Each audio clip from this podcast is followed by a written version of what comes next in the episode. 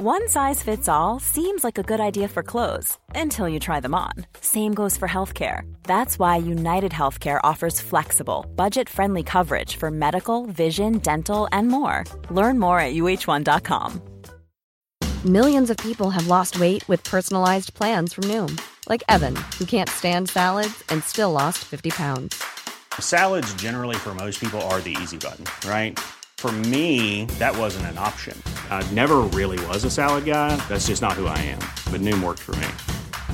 Get your personalized plan today at Noom.com. Real Noom user compensated to provide their story.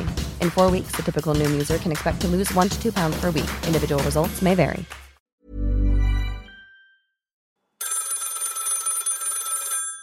Nämen tjänare. Du har precis börjat lyssna på ett avsnitt av Bröta på. En väldigt göteborgsk historiepodd. Bröta på alle man Alle man bröta på Sluta köta bara Du ser, jag har en mugg kaffe här förstår du. Ja, du har en mugg Ja, kaffe. vet du varför man måste hålla i den här muggen med kaffe lite extra hårt nu för tiden? För att eh, Nej. eh, det, är, det är stöldrisken. Stöldrisk? Det är stöldrisken. Jag läste nämligen i Göteborgs-Posten att det finns tjuvar som stjäl koppar. Sådär ja, då, Ja, var, då vi var vi igång igen. Förutom att jag inte har något snus i munnen. Nu ska vi se här. Mm. Du Ina Lundström, vi har en sån här eh, provokativ titel idag på eh, dagens program. Eh, den lyder nämligen så här. Finns det intelligent liv i Göteborg? Mm. Utöver det faktum att vi kommer att få motta mängder av eh, kallt ironiska mejl om vår programledarnas egen intelligens Såklart. så tror vi ändå att det här skulle kunna vara ett fruktbart sätt att eh, diskutera Göteborgs plats i världen. det är Mm, Ja, vad jag vi tror. tycker det. Jag tycker det. Och eh, det är, det är väl egentligen så här att vi, vi vet att det finns smarta göteborgare. Sen är ju frågan om vi kan få omvärlden övertygade om att det finns smarta göteborgare. Ja, precis. precis. Alltså, eh, Varför uppfattas inte göteborgare som så värst intelligenta? Ja, och om vi liksom, ska vi, ska vi, eh, om det är någon som redan nu drar i nödbromsen och bara va? Göteborgare, de känns alltid som de intelligentaste i ett rum. Så tycker alla. Då har vi kanske, eh, att vi ska börja i alla fall med att understryka här att vi har ju Disney-beviset. Det har vi. Vi Mm. har väl egentligen bevis från alla typer av populärkultur. Ja, Alltså när det dyker upp eh, en gestalt som pratar göteborgska och framförallt då om det är tecknad film Mm. så är det sällan en professor eller någon eftersinnande intellektuell typ utan det är en ganska glad och sorglös figur. Det är göteborgarens roll i det här. Det enda undantag som jag hittat är den här Magister Rocka i Hitta Nemo. Det är ju Bo Magnette som gör honom. Han är glad i göteborgsk och han lär de här små fiskynglen allting om världen. ja. Men annars så är, så är, så är göteborgaren lite sorglös, glad och lite korkad. Ja, det är den här dumma eh, killen i Skönheten och odjuret, det är göteborgare, en, den liksom statyn i Ringaren i Notre Dame vars syfte mest är att vara tjock. Eh, görs, eh, Claes Malmberg gör rösten där. Sen så har jag ju tänkt så här, jo, göteborgare, de framställs ju alltid som lite dumma. Men vet ni vilka som framställs som ännu dummare? Jo, västgötar. Pumba i Lejonkungen som ju är Jan Rippe som gör rösten från Galenskaparna. Då tänker jag, då vill de ha någon som låter ännu dummare än en göteborgare. Men eftersom att vi åt lunch tillsammans nu i en eh, Vem? miljö- Du och Pumba? Du och jag. Du åt ju lunch med mig. Ja. Nu Du- blir det förvirrat. Du och jag och några personer som inte är, är göteborgare. Eh, och då påpekade ju de att jo fast för resten av Sverige så låter ju Jan Rippe som en göteborgare. Ja, vi har alltså haft en, eh, en sån här radiopodds idéspåningslunch Ja. eh, om frågan huruvida intelligent liv existerar i Göteborg eller ej. När det gällde det här med västgötarna så eh, var det visserligen någon som påpekade att en norrlänning inte kan skilja mellan Nej. en Skövdebo och en göteborgare. Nej. Men det är härligt för oss att kunna sitta och skratta. När det gäller det här med västgötarna så är det lite grann ett sidospår eftersom eh, västgöten visserligen kan låta lite dum i en tecknad film men det finns också en slags sån här bondsk tröghet och trygghet hos eh, den typiska eh, västgötagestalten. Så jag tänker mig att vi, vi lämnar detta därhän. Det spår som jag tycker att vi ska försöka följa här Eftersom jag i vanlig ordning har det här det senila ansvaret att eh, ta sig ut i den göteborgska historien och den göteborgska nöjeshistorien och eh, göteborgares plats i, eh, i nöjeshistorien så kan man nog starkt misstänka att det här vitsandet har en viss skuld i det här sammanhanget. Vitsandet är ju, det är ju en ganska ytlig och lekfull ordhantering som inte riktigt inbjuder till djupsinnighet. Nej, framförallt så tror jag att det är ett väldigt säkert tecken på att en person inte tar sig själv på gravallvar. Och även ifall jag är övertygad om att eh, man behöver vara ganska smart för att vara bra på att skämta så finns det ju människor som låter nästan sin humorlöshet bli ett tecken på deras intelligens. Alltså det är som att ha en sån här eh, smart skjorta på sig. Mm. Så att man ser smart ut. Lite så att man går runt och är fullständigt humorlös och tycker att man är liksom ovanför humor. Det är ett ganska bra sätt, nästan lika, nästan lika framgångsrikt som glasögon eh, i rätt modell för att säga att här kommer en läsare av böcker, ingen tramsapa. Så, så, så på det sättet så, så kan det ju vara så. Du menar att om man ska verka riktigt intelligent så får man inte skoja för mycket? Nej, definitivt. Det kan, det kan ligga någonting i det. Men jag tror också att det finns en, uh, det finns en sån här, eh, ett slags dubbel effekt här. Å ena sidan kan det ju vara så att om man nu börjar berätta de här vitsarna så, så lägger man sig i någon typ av mm, berättelsesfär där man blir ganska ytlig. Men sen tror jag också att det å andra sidan är så att den förväntan på oss göteborgare som till exempel stockholmare ägnar sig åt eh, också driver oss ut i det här ytlighetsträsket. Jag satt en gång på ett, eh, på ett flygplan från Krakow i Polen, av alla ställen, eh, hem mot Sverige. Och där hamnade jag bredvid en, en ganska känd filmregissör. Jag tyckte det skulle vara jätteroligt att sitta nu på resan och prata med honom om film. Men han hörde att jag var göteborgare så sa han på någon sorts egendomlig tillgjord göteborgska. Det var härligt att höra. Har du någon riktigt god här, någon Carl Osborn? Och så ville han att jag skulle berätta vitsar och eh, alla mina ansatser att prata film torpederades. Det vill säga, han utgick från att jag var en korkskalle. Mm, mm, mm, mm. Där för att underhålla? Ja, han ville ha lätt underhållning av, av göteborgaren ja. helt mm. enkelt. Det var vad han, vad han tänkte sig. Och det här då med att vi förväntas vara, vara korkade. Jag, jag försökte fundera över hur det var egentligen i Göteborgs tidigaste historia. Det hade varit underbart om man hade kunnat hitta någon som drog vitsar sådär 1621 på hösten.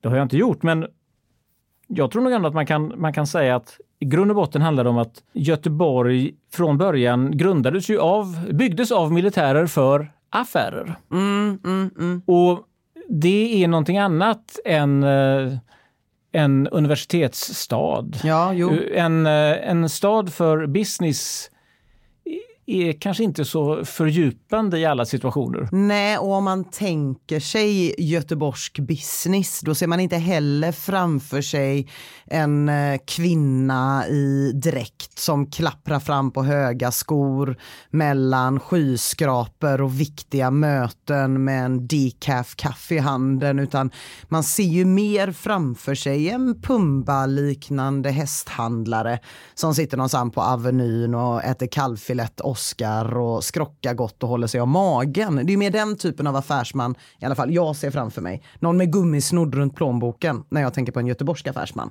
Det är sant, men Pumba-figuren var ju västgöte sa du alldeles nyss. Ja, men jag menar ju att resten av Sverige gör ju ja, ingen skillnad, så varför ska vi då göra det? Ja, eh, nej men den här, den, den historiska bakgrunden här då. Eh, jag försökte titta efter exempel det finns en, eh, en fascinerande bok skriven i slutet av 1700-talet av Mary Wollstonecraft. Eh, hon är idag en slags förgrundsgestalt eh, bland feministiska historiker och hon är inte minst så var hon mamma till Mary Shelley som ju skrev Frankenstein. Så det här är en, en viktig figur.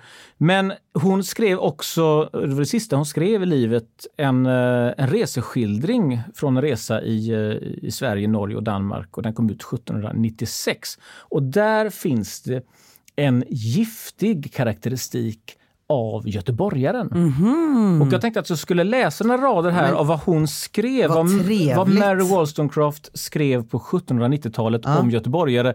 För det är nämligen en magnifik sågning där göteborgarna framstår som ganska korkade och korkade på just det sätt som du nyss skisserade här. Mm. Alltså 1796, och nu läser jag ur eh, Mary Wollstonecrafts bok eh, som heter eh, Brev skrivna under en kort vistelse i Sverige, Norge och Danmark. Jag läser. Eftersom alla betydande män, jag menar de som har de största förmögenheterna, är köpmän består deras främsta vederkvickelse efter arbetet av bordets njutningar som jag tycker dukas upp allt för tidigt på dagen mellan klockan ett och två. För män som har brev att skriva och räkningar att avsluta efter det att de gjort vederbörlig heder åt flaskan. Men när många olika kretsar ska föras samman och när varken litteratur eller allmänna nöjen tillhandahåller samtalsämnen förefaller det som en god middag vore den enda centralpunkt kring vilken man kan samlas. Särskilt som skandalerna, vilka sätter krydda på mer utvalda sällskap, bara kan behandlas viskande. Ja, vad säger du om detta? Alltså det är väldigt träffande. Eh, skandalerna, viskande, ja det är mycket Göteborgsandan som kommer fram. Väldigt eh, komplett beskrivning. Detta är alltså, hon har då varit på ett ganska kort besök i Göteborg, Mm. ett par veckor högst och hon tecknar ett porträtt av göteborgarna som eh, antiintellektuella, småfulla, skvallrande eh, och lätt penning, penningfixerade goddagspiltar. Ja. Det är en elak karaktäristik och det blev naturligtvis ett jäkla liv när den boken Det kom blev ut. Ja, det, blev det, ja ja ja. blev det. Alla tog inte bara och hacka i sig det här. man kan nog eh, lugnt utgå från att nästan ingen hackade i sig det här. För eh, sånt tycker man aldrig om att hacka i sig. Jag har inga problem med att hacka i mig det. Jag måste Mm. säga att eh, jag är svag för både bordens njutning och skvaller. Eh, Det skäms jag inte över att jag tycker det är trevligare än att skicka något gammalt brev till någon brittisk lord med just mina tankar om höstlövens färger. Ja, Men vi har ju två, två spår kan vi säga här. Eh, å ena sidan det som Mary Wollstonecraft skriver om, nämligen något som skulle kunna vara en berättigad kritik Ja. mot någon, någon, ett slags antiintellektuell Göteborgsjargong. Att eh, vi, vi kanske hellre, och med vi menar jag alla göteborgare sedan år 1621, eh, att då vi hellre har, har gjort affärer och druckit portvin än eh, diskuterat eh, den aktuella europeiska eh, romanutgivningen. absolut. Det är ju en sida. Men det andra är ju det som vi var inne på nyligen när det gällde eh, den här regissören på flygplanet som ju helt enkelt förmodade att eh, vi var korkade för att just för att vi är göteborgare. Och det, det är egentligen två lite olika saker här. Håller du med mig om det? Nej, jag ser inte riktigt varför det skulle vara två olika saker. Det, jo, det, det ena är ju ett verkligt tillkortakommande från, från göteborgarnas sida. Det andra är ju någonting som, som eh, en brist som omgivningen bara förmodar att vi har. Ja, du menar att det ena är att vi har inte den typen av eh, teaterscener och litterära salonger och sådana rent faktiska saker som kanske finns i någon annan europeisk stad.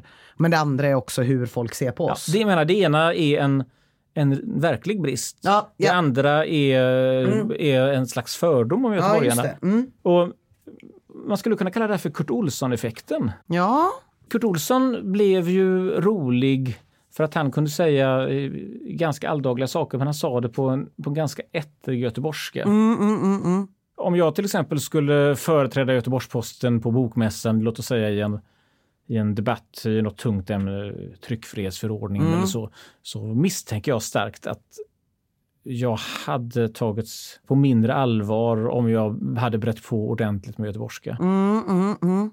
Ja men det gör man ju. Det gör man ju. Men det är också, eh, tror jag, många som eh, hajar till och lyssnar lite extra när någon pratar göteborgska. Kanske inte nödvändigtvis efter innebörden men man hörs. Jag tror att vi göteborgare pratar högre än vad man gör på många andra ställen. Det blir en sån där effekt som när en börjar prata lite högre så börjar nästa. Vilket gör att det kan vara dånande ljudvolym. Eh, på ställen här i Göteborg jämfört tycker jag med hur det kan vara i Stockholm.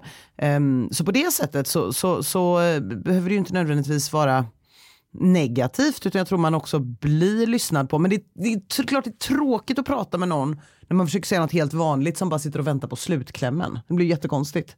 Att de tror att allt man säger ska leda fram till en vits. Ja, det, det vore, vore ju tråkigt. Men sen tror jag också, jag kan tänka mig att även när det gäller den här eh, Kurt Olsson-effekten, om, om, om du godtar det- det som en, en, någon sorts preliminär beteckning är, Även den kan man dela i två halvor därför att Lasse Brandeby som gjorde Kurt Olsson, han hade ju sina, sina rötter i en, en, eh, en göteborgsk arbetare eller vänsterrörelse. Ja. Och eh, i den, den traditionella göteborgska proletären som Mm. ju också nästan har blivit en, en schablon men där vi har Weiron Holmberg Mm. och Roland Jansson och Sven Wollter kanske. Absolut. Så, så är det ju så att de, de talar i sin göteborgska men i det fallet så får de ett slags proletär trovärdighet i, i med den här göteborgskan. Mm, Ja, Eh, och det är, ett, det är ju ett slags tyngd som inte vilar på humor. nej det är det ju inte. Men det är ju någon slags här genuin och äkta. Det är ju saker som man blir kallad och som man kan bli glad för att bli kallad. Men det är också en motsats till kultiverad, odlad, bildad. Det är att man är någon slags urmänniska som folk tycker är härligt. Eh, men det är ju själva motsatsen till att man är en globetrotter som kan prata fem olika språk och funka i alla sammanhang. Nej, nej absolut. Och sen, sen så passar det ju väldigt bra med en, eh, en, ett slags marxistisk analys. Nu är inte detta riktigt min mammas gata eh, vill jag säga, men, men, men just att att det är den, den, den enkle mannen som sitter inne med de, de stora svaren. Och det är Ja. klart att då, då kan du ha en, en, en praktfull dialekt och säga att det var vi som byggde landet och sådär. Ja. Men, men, men eh, det här är då lite grann ett stickspår.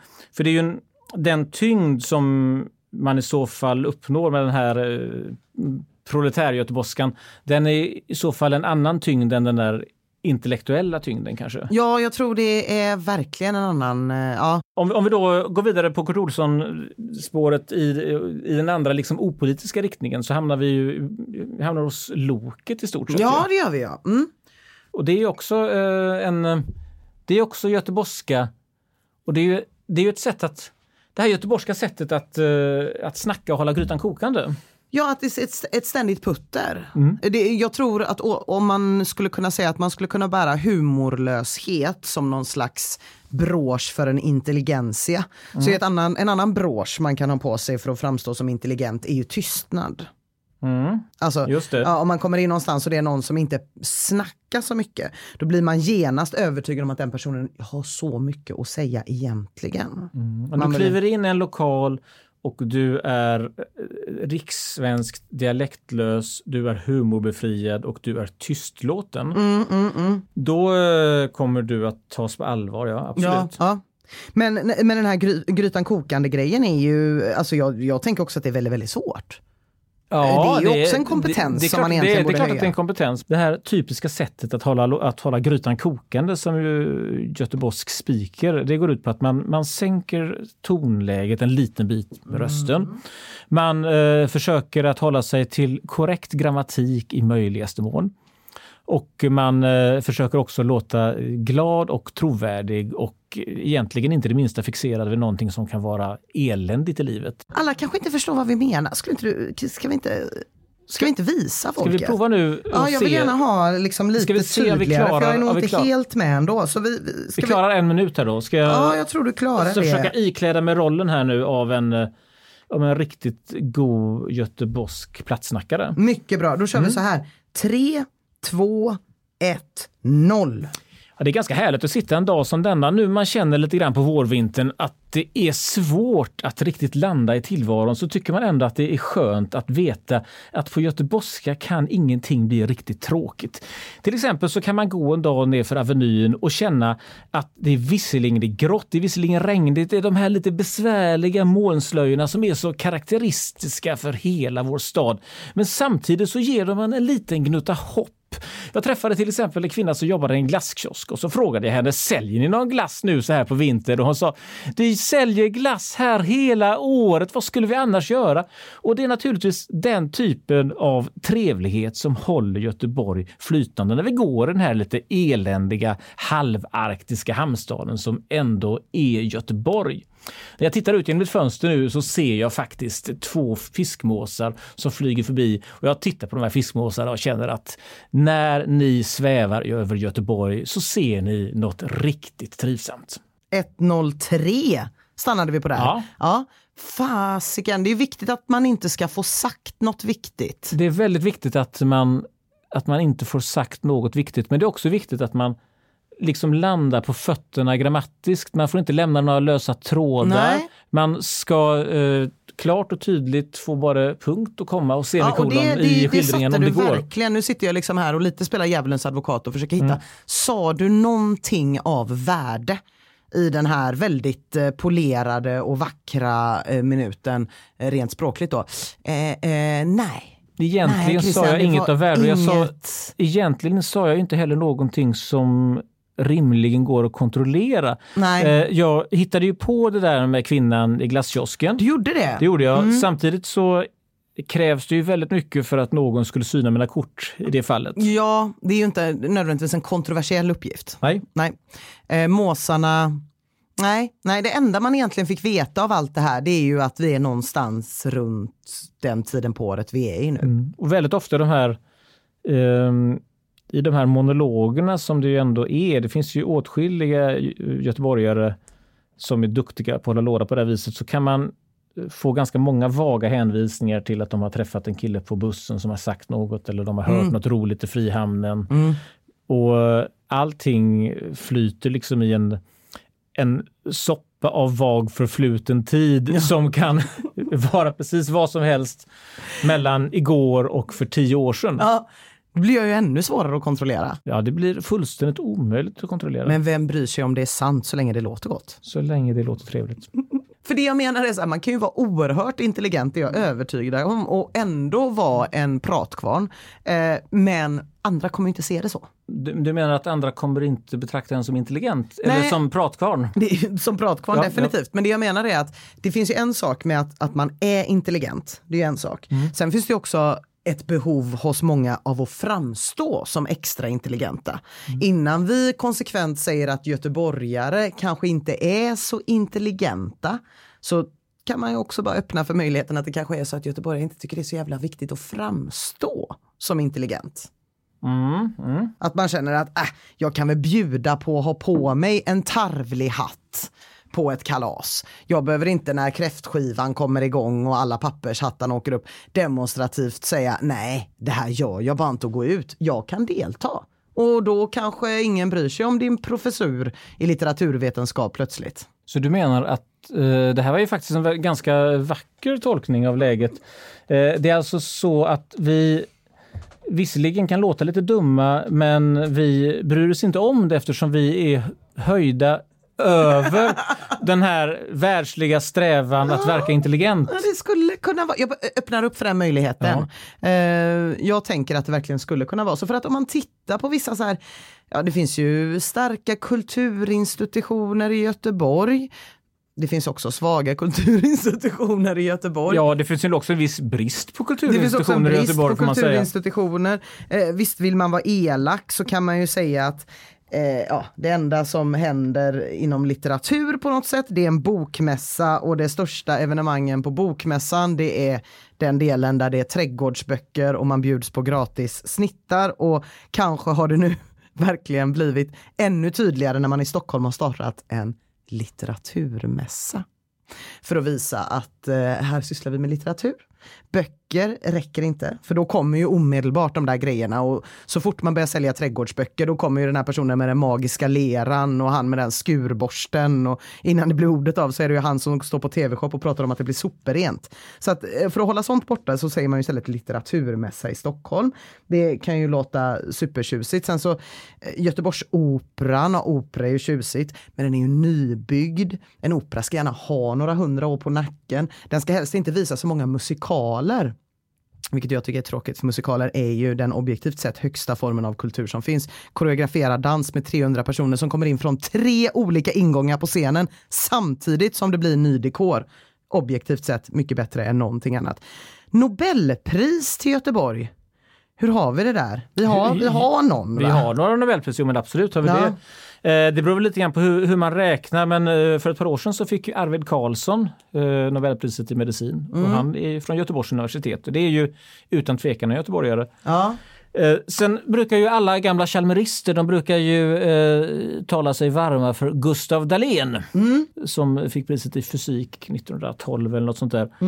Ehm, och sen så vet jag inte riktigt om man ska räkna, det finns en kemipristagare som heter Arne Tiselius som bodde i Göteborg under några år i sin barndom. Ja, så det, det är väl möjligen, möjligen eh, två och ett halvt pris där då. Ja. Sen kan man väl observera att eh, det enda, ska vi säga, icke-intellektuella Nobelpris som, som anses ha utdelats överhuvudtaget någon gång är ju just det här priset till Gustav Dalén. Han var ju uppfinnare. Och eh, många tyckte redan då att det kanske var tveksamt om han skulle få priset. Eh, men, För eh, att han gjorde saker som han- gick att ta på. han var uppfinnare, han gjorde saker som gick att ta på och dessutom var det, var det synd om honom eftersom han eh, han blev blind till följd av en explosion och det här blev han precis innan de skulle utse pristagaren. Så de här, de som är lite elaka mot Gustav Dalén och jag är medveten om att jag nu kommer att få mejl från 250 gamla chalmerister som är ursinniga på mig. Men jag säger ändå att eh, de som är lite elaka mot Gustav Dalén, de säger att det kanske var därför han fick priset. För att, eh, Ja. för att man eh, tyckte, tyckte synd om honom. Aj, aj, aj. Om detta vill jag redan här och nu framhålla att jag inte har någon åsikt. Jag återger bara de upplysningar som jag har fått. Ja. Men visst, några Nobelpris kan vi absolut Klämma fram. Kläm, klämma fram. Ja. Eh, Men vi får inte heller gå i den här fällan nu att vi, eh, att vi bara väljer observationer som gagnar Nej. vår, eh, vår tes. Nej. När vi egentligen inte har någon tes. Det är en öppen fråga vi har ställt. Det Finns det fråga. ett intelligent liv i Göteborg?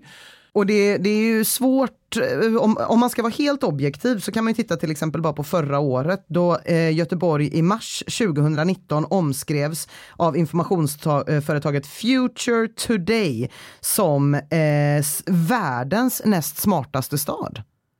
Men sen i juni 2019 så säger Samhällsbarometern att Göteborg är en av Sveriges minst smarta städer.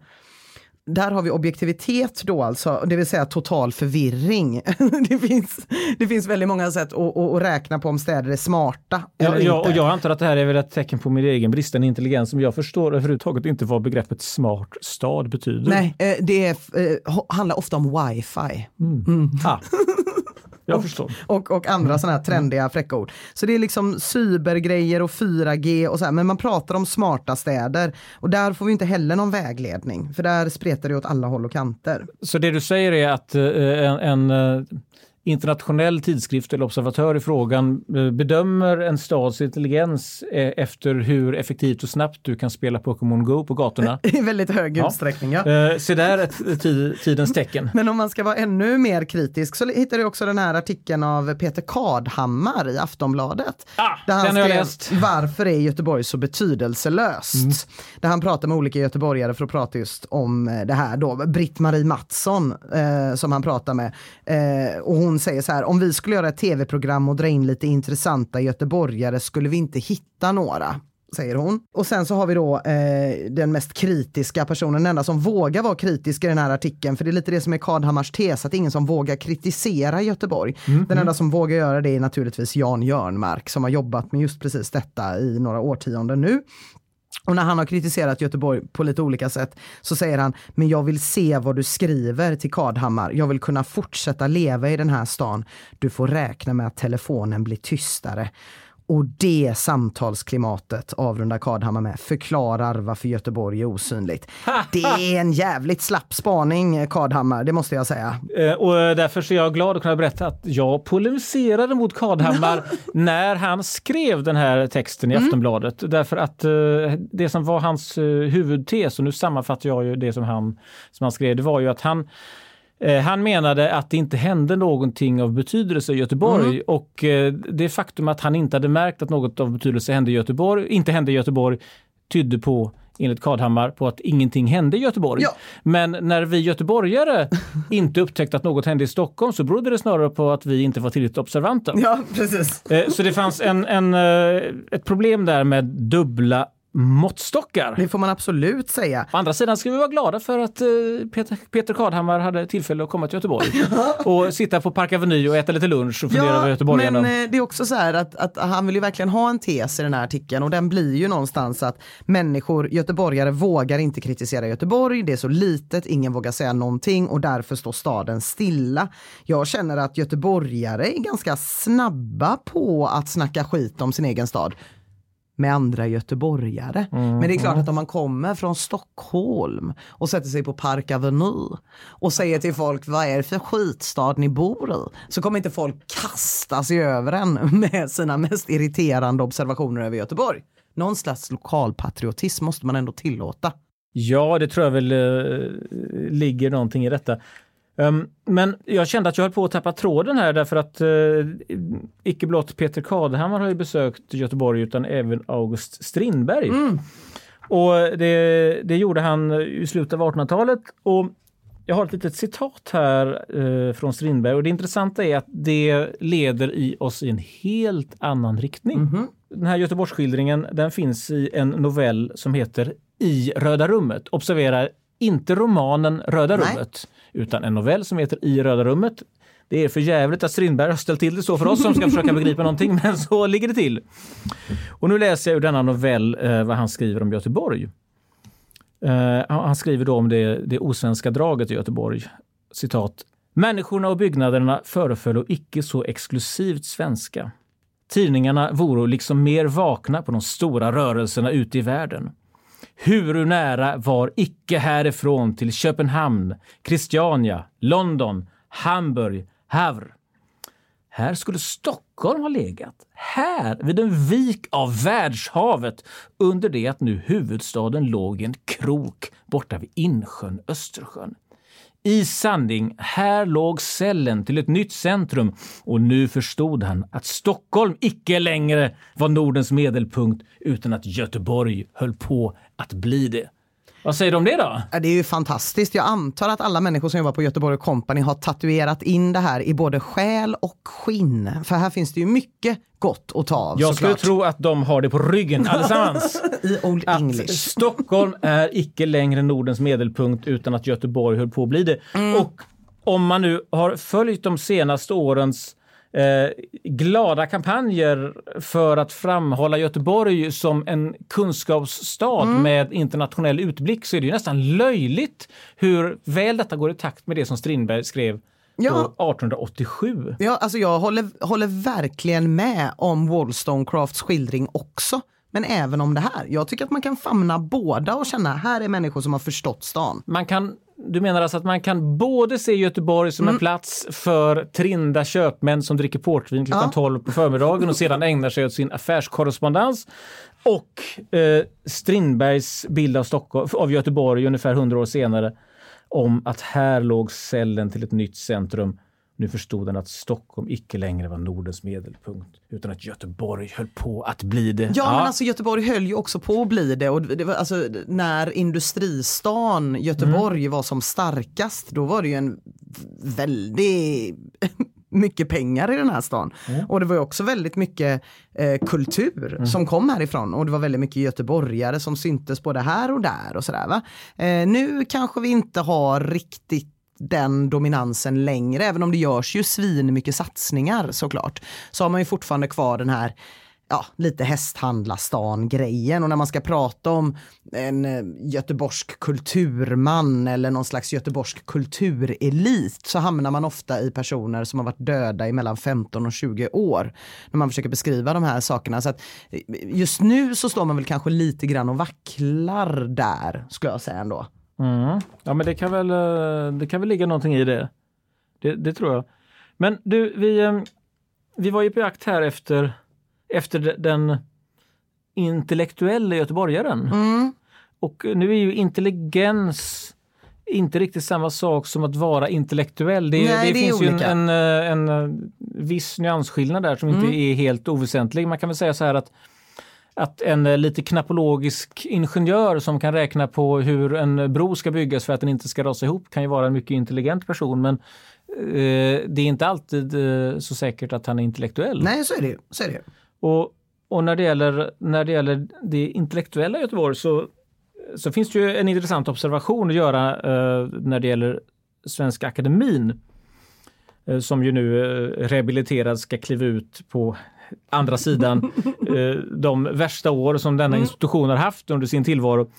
Men nu är det ju faktiskt så här att nu har man åter 18 ledamöter och jag har försökt att räkna efter hur många av de här som har anknytning till Göteborg. Och där, det ser ju riktigt bra ut där. Om man tänker sig hur många, många ledamöter de borde ha för Göteborg så, så kan ju tänka sig att Göteborg har i runda slängar 500 000 invånare och det finns ungefär 10 miljoner svenskar. Ja. Alltså 5 procent. Vi ska vara ganska glada med en plats. Vi ska vara ganska glada om vi har en plats, ja precis. Eh, Men vi har ju faktiskt, eh, vi har Lundbypojken Sture Allén. Vi har Bo Ralf. Eh, Vi har Mats Malm. Vi har Gila Mosed. Och sedan har vi ju två namn till som jag gärna vill räkna men jag är inte säker på att vi riktigt vågar tillgodogöra oss dem. Den ena är Åsa Wikfors som är filosof. Hon är inte verksam i Göteborg men hon är ju faktiskt hon är ju från Lundby på Hisingen, precis som Sture Allén förresten. Eh, Så en halv poäng ändå för henne. Och sen har vi Ellen Mattsson från Uddevalla och det är ju i alla fall ändå i, Ja, i, i den göteborgska intressesfären. Och om det nu är så här att eh, folk sitter i Luleå och inte kan skilja mellan någon från, från Skaraborg och Göteborg Ja, så, så tror jag jag. nog att, eh, att Uddevalla i så Ja. fall också hör till den. Det skulle jag säga. Och så har vi Mikaela sfären. Blomqvist också. Mikaela Blomqvist som ju inte är akademiledamot men som... Är hon inte det? Nej, hon sitter i Nobelkommittén. Men kolla, du hör ju vilken jävla göteborgare Och det är jag ju- är. det jag är tänkte ju att det var elegant samma nog. sak. Eh, Akademin har helt enkelt outsourcat lite av, jobbet eh, med eh, Nobelpriset till de skarpaste hjärnorna och en av dem är Mikaela Blomqvist. Ah, Det är så det sitter ihop. Så vi kan väl säga att hon, hon sitter ju inte i Svenska Akademin än. Nej, just det. Just Kom det. ihåg vad ni hörde det först. Ja, kom ihåg vad ni hörde det först. Ja. Så ligger det till. Ja, ja, ja. ja. Men, Men, jag, då tänker jag ju så här, om det skulle vara helt representativt då, Ja. så skulle ju, okej, vi har mycket mer än vad vi borde ha, även om man inte räknar halvpoäng. Om man skulle räkna riktigt snålt har vi ändå mer än vad vi borde ha. Men jag gissar att Stockholm är något mer överrepresenterade, att de inte har sina två ledamöter då, utan ehm, Ja, det är de. Stockholm är naturligtvis eh, utan att kunna veta exakt så eh, vågar jag nog lova att eh, de ligger bättre till. Men jag tycker det finns någonting spännande i det här för att eh, precis på samma sätt som att vi eh, här i Göteborg kan sitta och säga en västgöte låter så himla dum, vi är göteborgare, medan resten av Sverige tänker, fast ni låter ju exakt likadant, alla göteborgare låter som Jan Rippe. Så tänker jag att det finns, att man kan också öka det perspektivet lite. Att jag tycker att det är ganska självklart att folk ser göteborgare som dummare än stockholmare. Att om man är hemma hos en rik person i Stockholm, då ser jag framför mig att den personen har bokhyllor och eh, fina saker och pengar sedan generationer och kan prata fyra olika språk. Medan tänker jag med en rik göteborgare så blir den här rundlagda hästhandlaren då. Men om man ska ta ett internationellt perspektiv och se på hur människor utomlands ser på svenska intellektuella generellt, då tror jag att de ser alla oss ungefär så som vi ser på göteborgska hästhandlare. Alltså att de svenska intellektuella anses ju internationellt sett att vara lite taffliga. Och universitetslivet i Sverige och professorerna och forskningen härifrån har ju inte särskilt hög status i Tyskland och Frankrike. Vi i Sverige är ju inte kända för våra professorer och litterära samtal. Även om många uppe i Stockholm kanske vill tro det, så har ju ändå världsfilosofer som Montesquieu och Foucault dömt ut sina delar av Sverige som de har varit på och sagt inte bara hur kallt och vidrigt det är utan också intellektuellt torftigt det är. Så eh, Medan vi sitter här och kanske tänker att vi anses dumma och någon stockholmare kanske blir glad så vill jag ändå säga att ni, vi är likadana i en tysks ögon. Det är vi. Så det, det, den slutsats du nu landar i efter denna fullständigt magnifika tirad, där jag var lite orolig för att du hade glömt att andas i mitten, är att eh, nej, det finns inget intelligent liv i Göteborg, men inte heller någon annanstans i Sverige. Nej. Är, vad, är det då slutsatsen? Lite ja, så. Det tycker jag var en liten smula dystert. Jag skulle nog ändå vilja försöka nalkas ett lite mer hoppfullt svar, nämligen att de exempel som vi gemensamt har mejslat fram nu här under den här stunden tyder på att väldigt mycket av problemet ligger hos betraktaren och att svaret på frågan finns det intelligent liv i Göteborg faktiskt är ja, men alla har ännu inte upptäckt det. Ja, så kan det vara. Så kan det vara. Är det, är det ett svar du kan tänkas Ja, godta? absolut. Jag, jag skulle vilja formulera det som, ja, det finns intelligent liv i Göteborg, men vi är inte så himla noga med att visa upp det hela tiden. Alltså kan, man kan både skylla på de som inte har upptäckt det, man kan också säga till oss att ja, vi, vi är inte så måna om att odla den bilden av oss själva, kanske.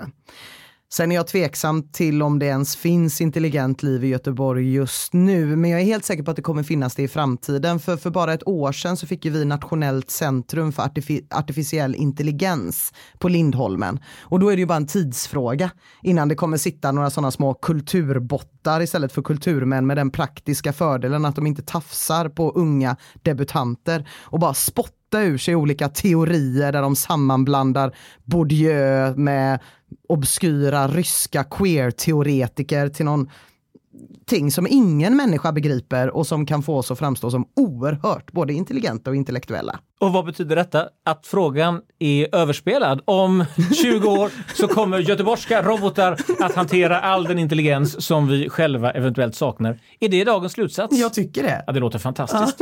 Ja, men då säger vi väl att vi leder det här programmet fram till den punkt då Mm. robotarna tar över. Ja, och det kommer säkert bli mycket trevligare att lyssna på. Och alldeles snart. Tack så mycket. Tack.